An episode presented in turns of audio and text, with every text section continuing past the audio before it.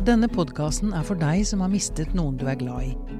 Kanskje lurer du på hvordan du skal leve videre. Her møter du mennesker som har gått veien før deg, og folk som hjelper sørgende. Velkommen til Sorgpodden med programleder Kjersti Kamestrøm Lie. Velkommen til eh, denne liveinnspillingen av eh, Sorgpodden.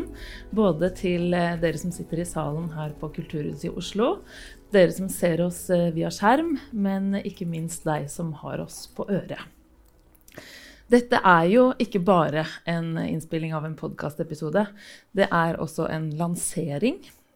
For fra og med i dag blir ni tekster fra skriveprosjektet Historier som beveger tilgjengelige i lydformat som en del av Sorgpodden, og kan lyttes til der hvor du hører på podkast. Dette er eh, historier om tap og sorg som er skrevet av mødre og fedre, men også besteforeldre som har mista et barn eller barnebarn. Og med meg på scenen i dag er én mor og en far, nemlig Hanna Huglen Revheim og Espen Valdal. Velkommen, og tusen takk for at dere er her. Velkommen også til deg, forfatter Kjersti Wold. Du har vært faglig ansvarlig og veileder i dette historiefortellingsprosjektet. Historier som beveger. Hva slags prosjekt er det egentlig? Ja, når, skal, eh, når, når, noen har spurt meg hva jeg holder på med for tida Det har jo gått over eh, hva kan Jeg si, jeg husker ikke faktisk om det er to eller tre år, men, men innimellom så har jeg vært veldig inni det. Og da har jeg sagt at dette er et storytellingsprosjekt for mennesker som eh, har opplevd noe av det mest grusomme man kan oppleve, nemlig å miste et barn. Men at det handler om å formidle noen erfaringer som kan virker veldig Altså man kan nok bli ganske språkløs i, i sånne situasjoner. Så det å, å, klare å finne frem til en måte å formidle og, og fortelle og eh, Kanskje å innvie på en måte mennesker som ikke har noe erfaring med denne type sorg og denne type tap, det er det som uh, denne storytellingen da har gått ut på. Mm. Og det har vært uh, et tilbud til uh, Landsforeningen uventet barnedød sine medlemmer. Men hvem er disse menneskene som har vært med i prosjektet? Ja, det er jo da mennesker av litt forskjellig alder. En del er jo, er jo hva kan jeg si, sånn, holdt på å si fruktbar alder. som har eh, enten barn fra før, eller de, de er førstegangsfødende. Og så har vi jo da besteforeldre som jo er noe eldre. Men, men, det er altså helt gjennomsnittlige småbarnsforeldre, og da dette besteforeldreparet som plutselig opplever at eh, verden kollapser, og, og, at man får eh, døden inn istedenfor det livet som man forventet. Mm. Hvordan har du da jobba med, med, disse menneskene? Ja, jeg har fulgt etter hvert en slags oppskrift da, som eh, går ut på at vi møtes eh, til en samtale. For noens vedkommende har det vært fint å møtes personlig. Andre har bodd så langt unna at vi må ha tatt det på Skype. Og så eh, prøver jeg å se hva er det som er litt unikt ved denne historien. fordi det er klart det er jo samme som grunnforløp. Eh, gjerne. Alle har mista noen. Ja. Altså man får en beskjed, mm. eh, man får et sjokk. Man skal gjennom en begravelse osv. Så, videre. så Så det er jo noen sånne eh, hva skal jeg si, gjentagende elementer. Eh, og det er jo den samme type eh, forferdelig sorg og, og eh, Hva skal jeg si rystelse da, eh, hos alle. Men, men, hva er det som gjør at disse historiene kan bli litt forskjellige? Mm.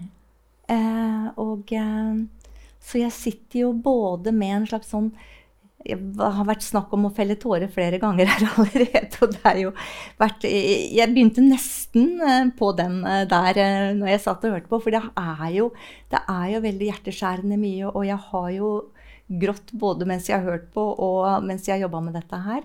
Eh, men, dette her, men samtidig litt en sånn profesjonell side som har tenkt ja, men ok, her, eh, kan vi, hva kan vi finne her som er litt annerledes enn forhistorien og historien før der igjen? Så litt det unike og det hva kan jeg si, allmenne samtidig. Litt rørt før du ble introdusert til å komme opp på scenen. Det, er lov å bli, det er lov å bli rørt for alle på scenen, også dere i publikum her ja, i dag. det kan altså. godt hende det skjer. Eh, men litt sånn kort, eh, Vi skal helt sikkert snakke mer om det, men hva er på en måte målet med å, å få disse ni da, til å skrive denne historien? Eh, jeg mener å huske fra den søknaden vi sendte, at vi vektla dette med at det skulle være en dobbelthet i, i tittelen 'Historier som beveger'. At det både var tanken at det skulle berøre de som leser, men at det også skulle være en prosess for de som skriver. Altså I den forstand at de kanskje opp, altså de ser noe nytt, eller de blir bedre kjent med seg selv på noen bestemte måter. De får noen perspektiver. At det også er noe som At man ikke er statisk i den prosessen med å skrive, men at det også skjer noe. At det er en bevegelse i forhold til en selv. Da. Det har jo munna ut, endt opp med ni veldig sterke tekster som alle kan lese på Lubb sine nettsider, lubb.no, men som du nå også kan høre på. Da. Eh, de fleste tekstene er lest inn av profesjonelle skuespillere. Blant dem Ine Jansen og Nils Ole Oftebro. Og så er to av tekstene lest inn av skribentene selv. Eh, og en av de tekstene er din, Hanna. Ja. Jeg har lyst til at du rett og slett skal eh, lese litt fra teksten din. Ja, Saman. Eh, vær så god. ja. Tenkte at eh, du begynner med starten, kanskje? Mm. Ja. Hun og han. Det starter i en vinter. I iskald vind og tjukk, våt snø som klistrer seg til klærne. Den grå buksa har lagt seg som et kaldt, tett lag om beina hennes. Vinden og snøen og de to. Det er tidlig morgen. Brøytebilen er ikke kommet ennå. Snøen bles innover byen. Alle tre, vegger og veier blir måla hvite. Når blei det de to? Når er det noe starter? Den dagen de snakker om det, kanskje? Eller den dagen de valgte å ikke gå? I tidlig vestlandsk vår går kjærleiken. De ligger på gresset og snakker sammen, et frokost på en benk, er forelska. Og de fleste dagene som følger, er gode. Et tiår seinere er han og hun på vei ned fra gravlunden, sammen med ei venninne. De går gjennom Kampenparken, våren er alt forbi, varte bare i noen veker. Den starta da Helena blei født, skein gjennom livet hennes, følgde hun inn i døden og ned i grava. Tusen takk. Trenger ingen profesjonell skuespiller når man eh, leser så fint. Ja, takk. Du og pappa Christian, eh, dere mista den nyfødte dattera deres, Helena. Eh, hun ble bare tre dager gammel. Ja. Eh, og hun var for tidlig født, men hun døde av den medisinske behandlinga hun fikk på sykehuset i eh, 2019. Eh, når bestemte du deg for at du ville skrive ned den historien? Jeg tror, eh, sånn som for meg, så lå det med skriving ganske nært. Jeg begynte å skrive den samme dagen han døde, på et brev som vi la i kisten. Og så skrev jeg eh, ut ifra det eh, talen, husker jeg, til begravelsen.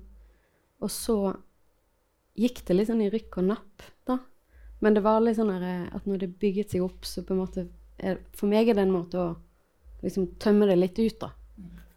I tillegg til at jeg sikkert snakket hull i hodet på alle rundt meg.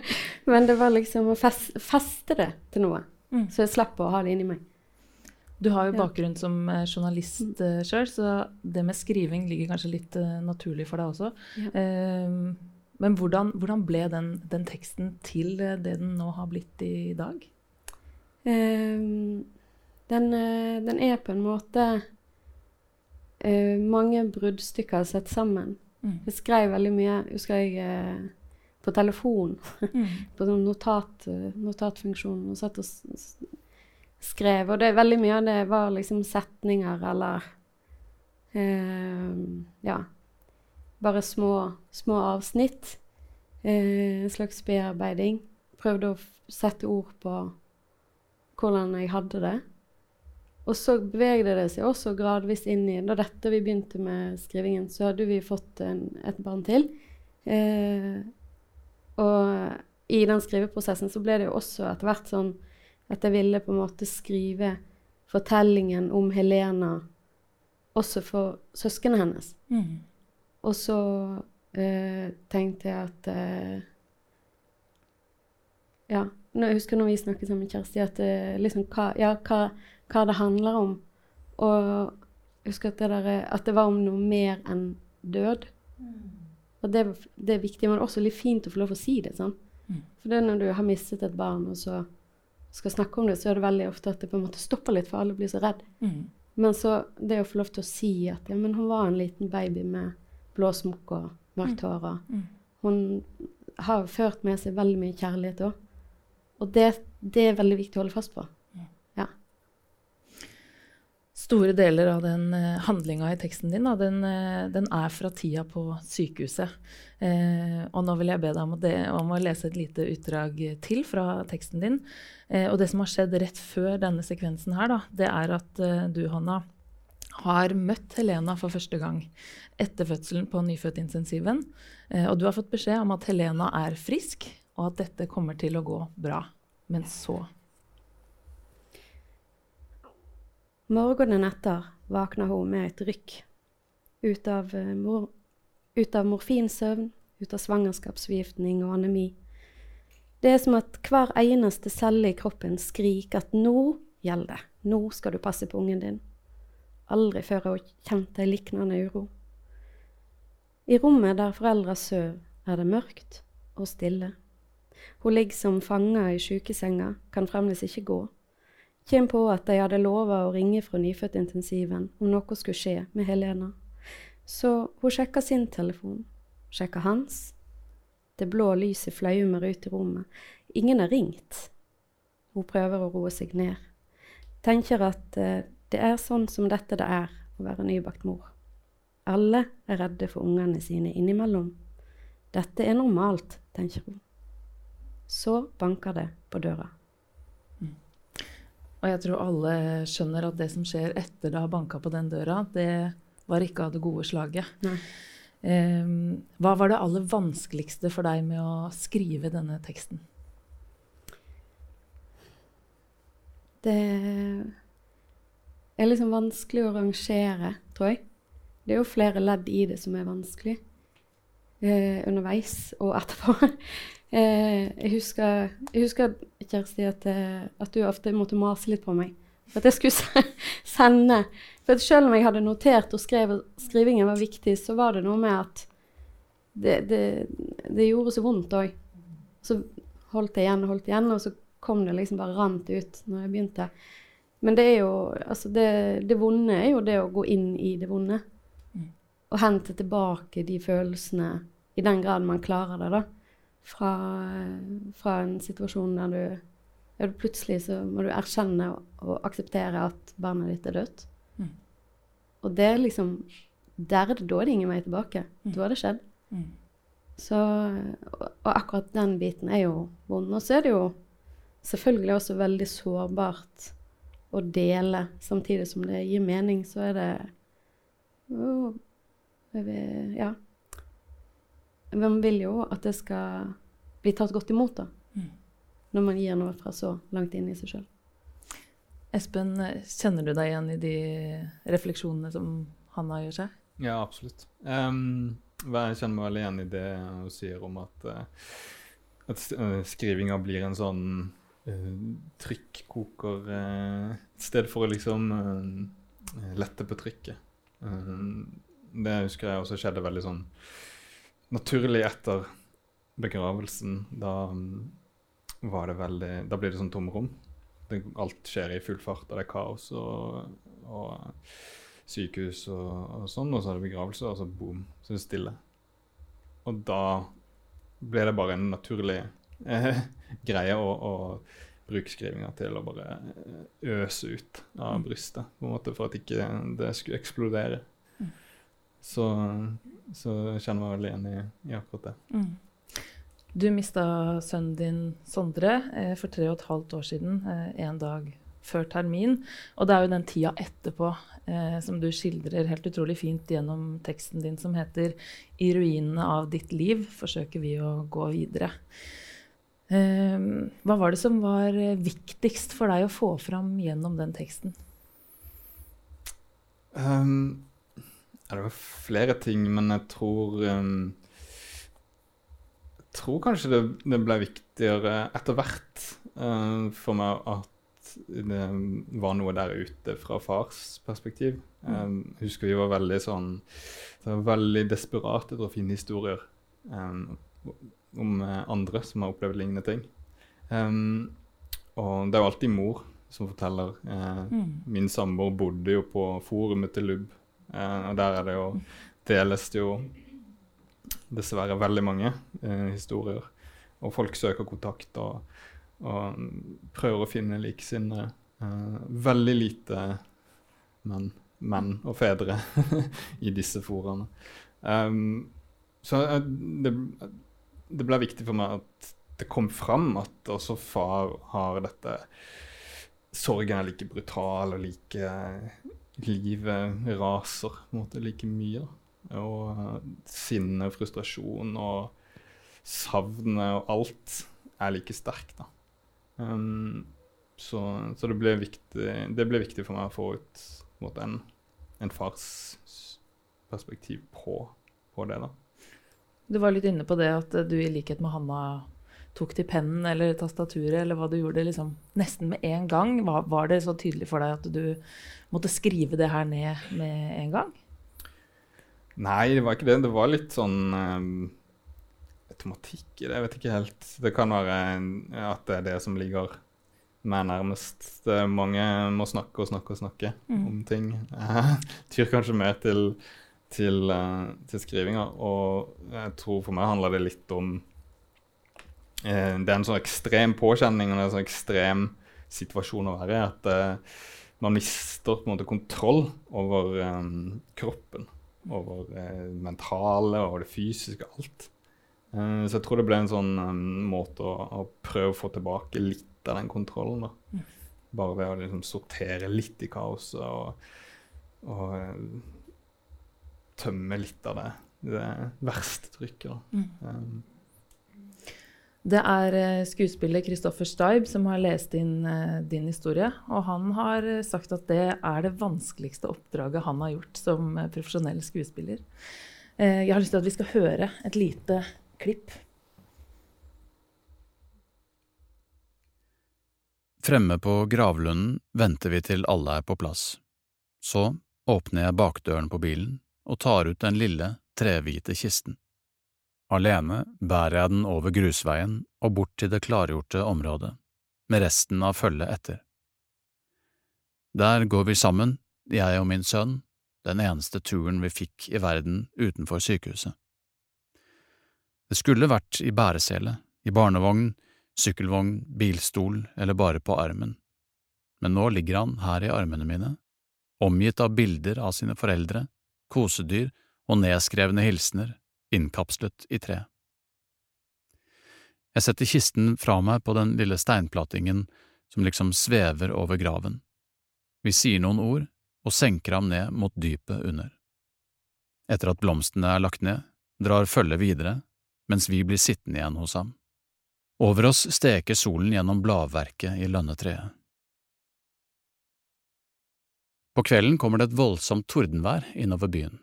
Regnet slår mot vinduene, folk i gatene springer mellom husveggene og over dammene. Mellom tordenskrallene klarer jeg ikke å la være å tenke på at det er naturens beskjed til oss om at han er blitt hentet. Hvordan er det å høre på dette nå, Espen? Det er litt rart å høre en annen fortelle historien. Det er det. Det blir litt sånn Du får det litt på avstand, men samtidig vet du at det kommer på en måte fra deg sjøl. Det, det, det, er litt rart å innrømme det.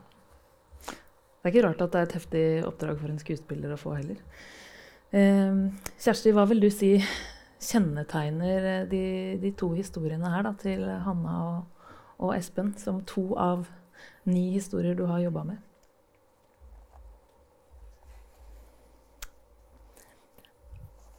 de ulike historiene har jo også forskjellige typer kvaliteter. Um, noe av det som kjennetegner disse to, er jo, er jo denne Hva skal jeg si Nesten sånn nådeløse ærligheten. At det er ikke noe Det er liksom uten omsvøp. Det er ikke noe forsøk på å pynte på eller romantisere eller eh, Det er veldig direkte.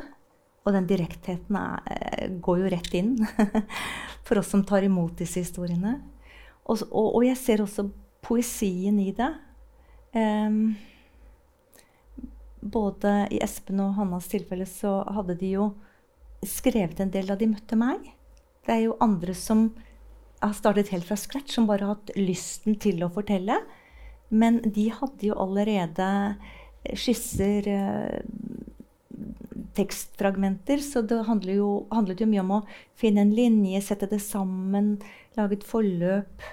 Eh, eh, I Hannas tilfelle så, så, snakket vi en del om dette her med parforhold, altså som jo er et viktig aspekt eh, av en sånn type eksistensiell krise. Altså hvordan, hvordan klarer man det sammen, eller ikke klarer det, eller når klarer man det, og hva er vanskelig, osv.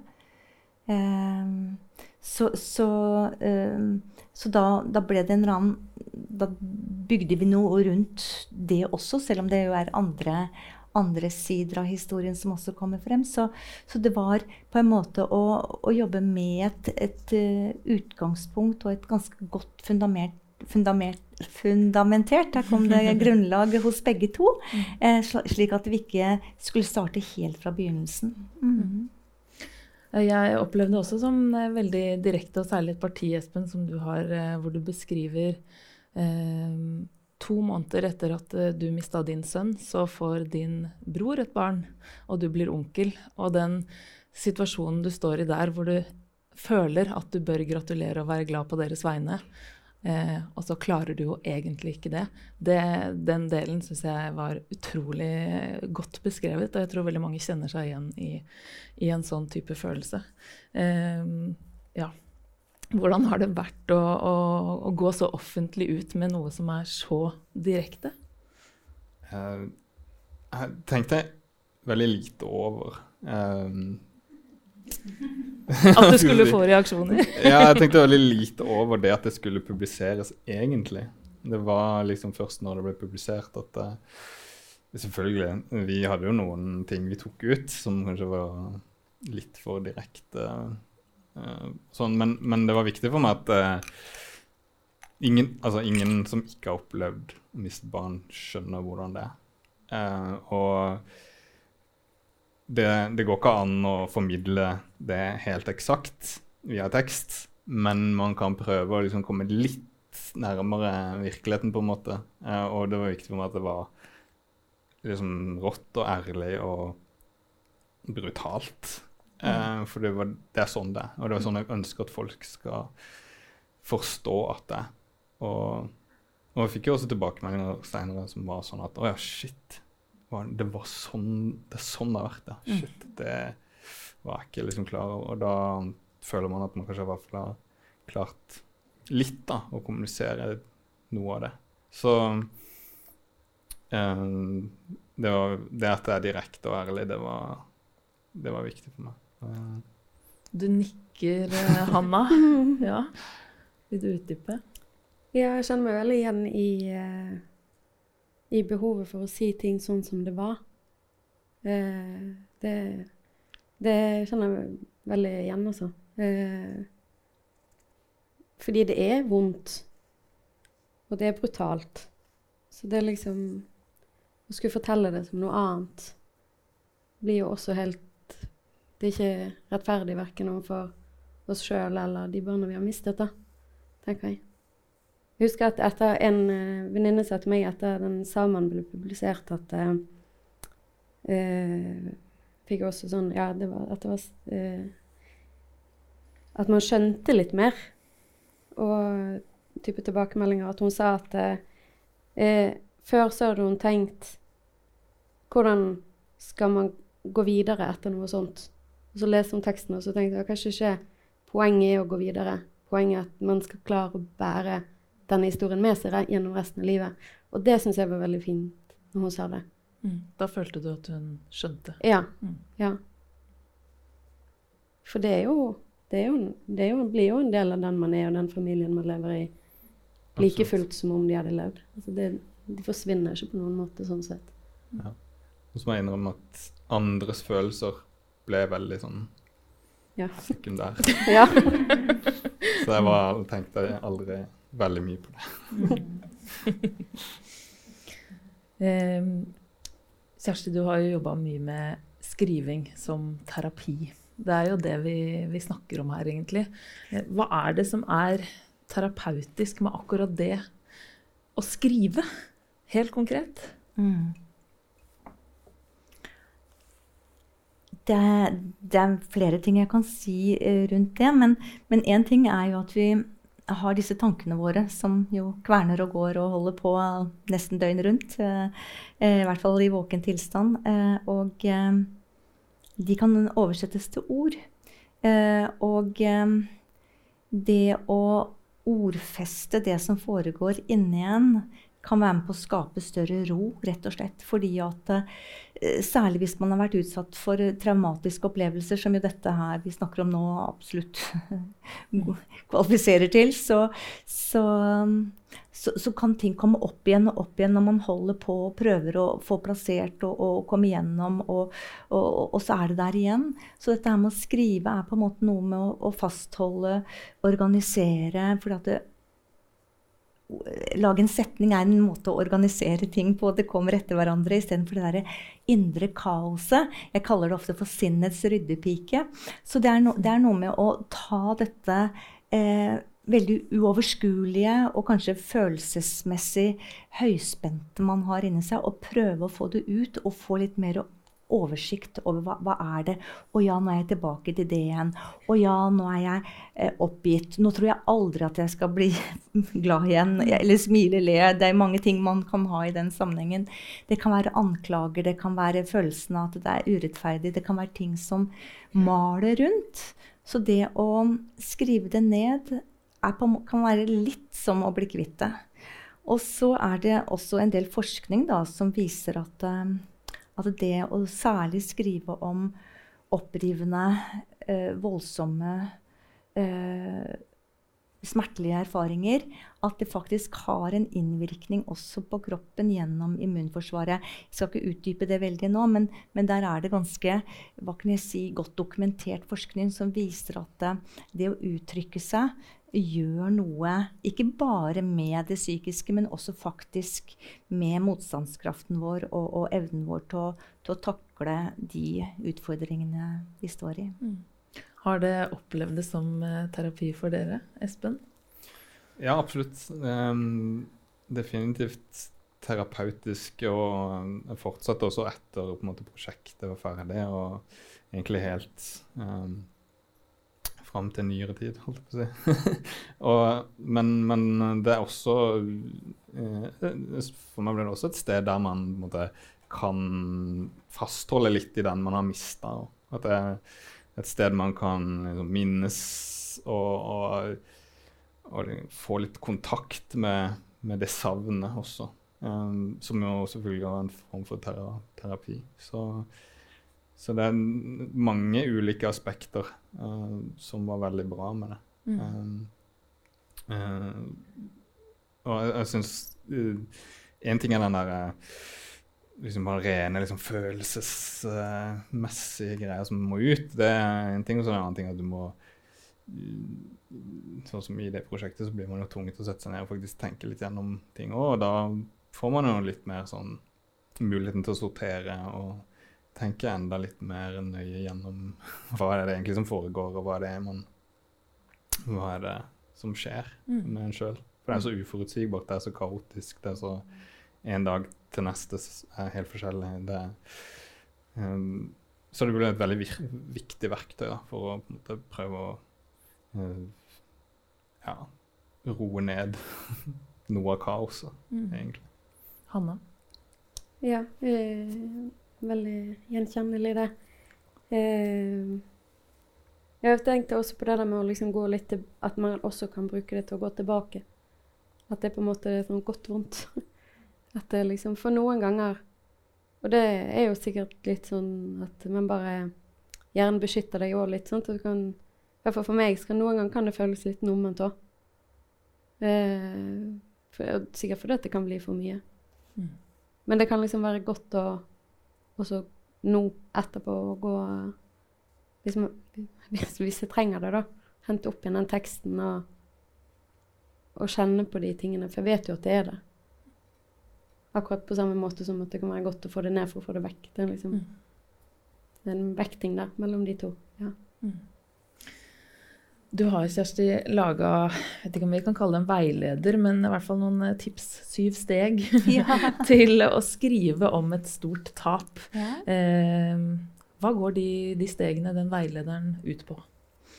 Nei, det vil jo være om det er noen i, i, eh, i forlengelse av denne podden og, og eh, tekstene som får lyst til å skrive sin historie, men kanskje ikke nødvendigvis for å publisere det i, i regi av LUG, men, men at de tenker at det kan være hensiktsmessig og, og godt. Og, og, og, som det også ble sagt her, er jo, altså sorgen er jo et slags møtested med det barnet man har mista. Og at man oppsøker Altså man har jo en grav man går til, men, man, men altså at man også kanskje har et sted i seg selv man vil gå til.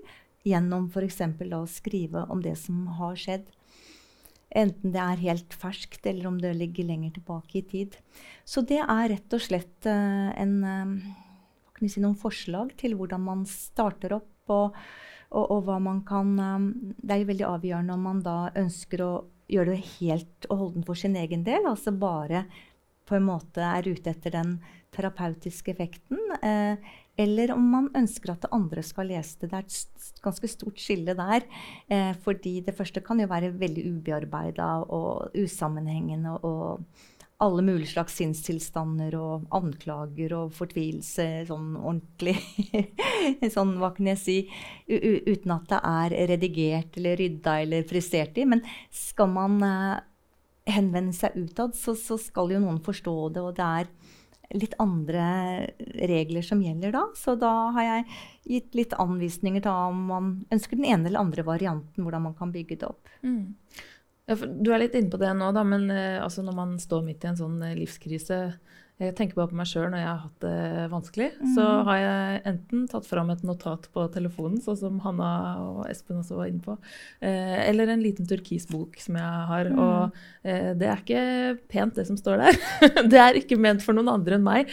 Har det den samme terapeutiske effekten, det å skrive de eh, store bokstavene og det utropstegnet inni den boka, som det å, å få det publisert i, i, som en vakker tekst, da, som disse ni jo faktisk har eh, Ja, blitt? Det er et godt spørsmål. Altså, jeg er veldig fan av eh, alle slags eh, ukvemsord og anklager og hysteri og alt mulig i de notatbøkene. Få det ut. Ja. Uh, uten noe skam. Eller altså, det er uh, menneskelige uttrykk og erfaringer. Så uh, um, det å på en måte Det som vi har jobbet med her, er jo å på en måte elte og jobbe frem et resultat som blir stående.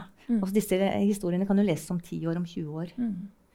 Um, så det er en litt annen prosess. som er terapeutisk det kan være, jeg, jeg, jeg, jeg føler også litt at det er noen sånne kall det små litterære gravsteiner da, over de barna deres som står igjen etter dette prosjektet. Og det er veldig sånn nydelig at de, de er på en måte ute i verden på den måten. Um, så det er, det, er, det er litt forskjellig hva, man vil med det. Altså, Det ene utelukker ikke det andre. Altså, man kan både ha hyle, rase, skrike-notatboka, og så kan man ha det der hvor man prøver å tenke at dette er en historie som, som skal formidles og forstås øh, og, og, og, og, jobbes med, som det også ble sagt innledningsvis her, med litt mer sånn litterære virkemidler, da, som det heter litt fint. Og steg én i veilederen din er å, å rett og slett ta seg tid. Sette av tid til å, å skrive. Det er jo kanskje det aller viktigste tipset. Ja, det er det kjedeligste tipset. Det Men også veldig viktig. Det er viktig. Det, altså, man tror man skriver så lenge man tenker, men man gjør ikke det. Det er bare forstadiet. Det er liksom idet man trykker på tastaturet eller skriver på hånd, at det, at det skjer noe. Jeg er jo veldig glad for at eh, disse ni historiene nå er tilgjengelige på lyd, så man kan eh, høre på dem. Eh, for jeg skal innrømme at da jeg forberedte meg til denne samtalen, så, så åpna jeg ni faner på Mac-en min med de ni tekstene. Og de ni fanene de sto åpne i noen dager før jeg orka å begynne å lese. For det, jeg kjente ved første setning at tårene begynte å trille. Og jeg orker ikke å begynne å lese dette her. Det er tung jeg vet, altså Alle som åpner de tekstene, vet jo på ett sett og vis hva det handler om. Eh, og det kan, eh, det kan, koste mye å, å, rett og slett sette i gang. Eh, senker det kanskje terskelen litt for folk å, å, å ha det for lyd? Hva tenker dere om det? For min del så var det i hvert fall sånn at uh, jeg da lytta til de uh, historiene deres. da, og Da kunne jeg sette meg i en stol, la tårene trille og liksom lukke øya og, og, bare la det skli inn. Um, ja. Jeg vet ikke om dere gjør dere noen tanker rundt det, Hanna? Jo, jeg tror eh, at det er godt at begge deler fins. Mm. og så tenkte jeg særlig på det der med For de som er som nylig har gått gjennom, eller nylig snart skal gå gjennom dette her eh, For min del i hvert fall, så selv om jeg eh, skrev mye og, og tekst var nærliggende på den måten, så sleit jeg veldig med konsentrasjon. Mm. Og det å lese Husker jeg satt eh, i en eller annen park her i Oslo og prøvde å finne en podkast på telefonen faktisk eh, om dette her. Det var mm. veldig vanskelig eh, i det der søken etter noen andre. sant? Eh, for det er så viktig å finne noen andre som kan fortelle deg litt om hva du står i, eller som, som kan liksom dele noe av det samme.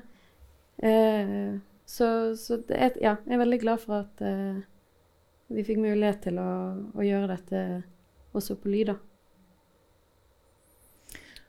Ja. Jeg var veldig enig. Eh, det er, som Hanna sier, det er veldig krevende. Og lese i den situasjonen man er i. Og jeg har jo brukt lang tid sjøl på å lese de andre tekstene. Så et veldig bra tilbud at det også finnes som, som podkast. Mm. Jeg har lyst til å føye til en ting. Det har ikke akkurat med spørsmålet ditt å gjøre. Men altså dette her med det man får, da. Eh, utover at det er veldig smertelige erfaringer. Det er jo også en innsikt i denne utrolig foreldrekjærligheten som ligger i disse historiene. Så, så, så, selv om det er mye som er trist og sorgtungt, så er det jo også enormt mye varme i historiene. Mm. Det er virkelig vakre, mm. historier mm. eh, oppi alt det vonde. Eh, stort eh, spørsmål, kanskje, men hva, hva håper dere at eh, folk skal sitte igjen med etter å ha lest eller eh, hørt historiene deres? Hva, hva er liksom ønsket deres at det skal eh, bidra til? Espen? For min del er det kanskje det at man har litt mer forståelse av hva det vil si å gå gjennom noe sånt. Um, og kanskje litt mer innsikt i hva, hvordan det er. Uh, hvor omfattende det er. Hvor mørkt og stort det er, og hvor uh, overalt det er, på en måte. Um, litt mer innsikt for de rundt de som blir ramma. Um, håper jeg. Mm. Anna? Ja, jeg er enig. Det er liksom to, to, sider av det. Så jeg håper, sånn som jeg var litt inne på der, at uh, de som trenger det, kan finne eh, et, en form for fellesskap i det. Uh, og så håper jeg at uh, det kan føre til òg at man blir litt mindre redd. Litt mindre redd for sorg, litt mindre redd. For det er jo så vondt det med at barn dør, og det skal ikke skje. Sant? Altså, eh, og det husker jeg at jeg syns både var vanskelig den første tiden, og fremdeles kan være vanskelig, er jo denne eh, de små reaksjonene du kan få. Når du bare vil bare nevne navnet til barnet ditt, så rykker folk litt til. Sant? Og det er vondt. Mm. Og det gjør jo, i hvert fall for min del, at uh, av og til kan liksom jeg kan sitte og si at jeg har et annet annet antall barn enn jeg egentlig har, f.eks. Mm. Det er ikke fordi jeg har lyst, det er fordi jeg orker ikke å få Men da må jeg gå inn i det. Da åpner jeg. At, det, så jeg, ja, at kanskje man kan være litt mindre redd for å høre på andre. Det håper jeg kan komme At dette i hvert fall kan bidra til, da. Mm. Ja, altså, det er veldig fine og dekkende ting som har kommet her. Og så tenker jeg på, på et i par av historiene så har vi litt vært inne på dette her med noen av de effektene det kan ha. Da, at eh, Misunnelse overfor andre som blir gravide. Eh, ja, altså sånne litt sånn forbudte følelser, da. Og, og, der er jo Lubb bare helt uh, klokkeklar med at man må ikke fordømme. altså Man får, kan få reaksjoner som på en måte ikke er pene og pyntelige, men som er helt reelle og, og, og veldig forklarlige ut fra, fra det, de voldsomme erfaringene man har vært igjennom. Så dette her med å skape åpenhet for at det er som også Espen sier, altså det, det, er utrolig mye som blir aktivert og satt i gang, og, og, og som man ikke helt kan overkomme. Og, mens man står i det, og at man ikke skal ha noe skam eller skyldfølelse for egentlig noen ting. Mm. Jeg er i hvert fall veldig glad for at dere har skrevet historiene deres. Og det er jeg helt sikker på at det er veldig mange andre som har, og som nå finner en podkast og finner en tekst som kanskje ligner eh, litt på det de også har opplevd. Tusen hjertelig takk for at dere kom hit i dag, eh, Espen, Hanna og Kjersti.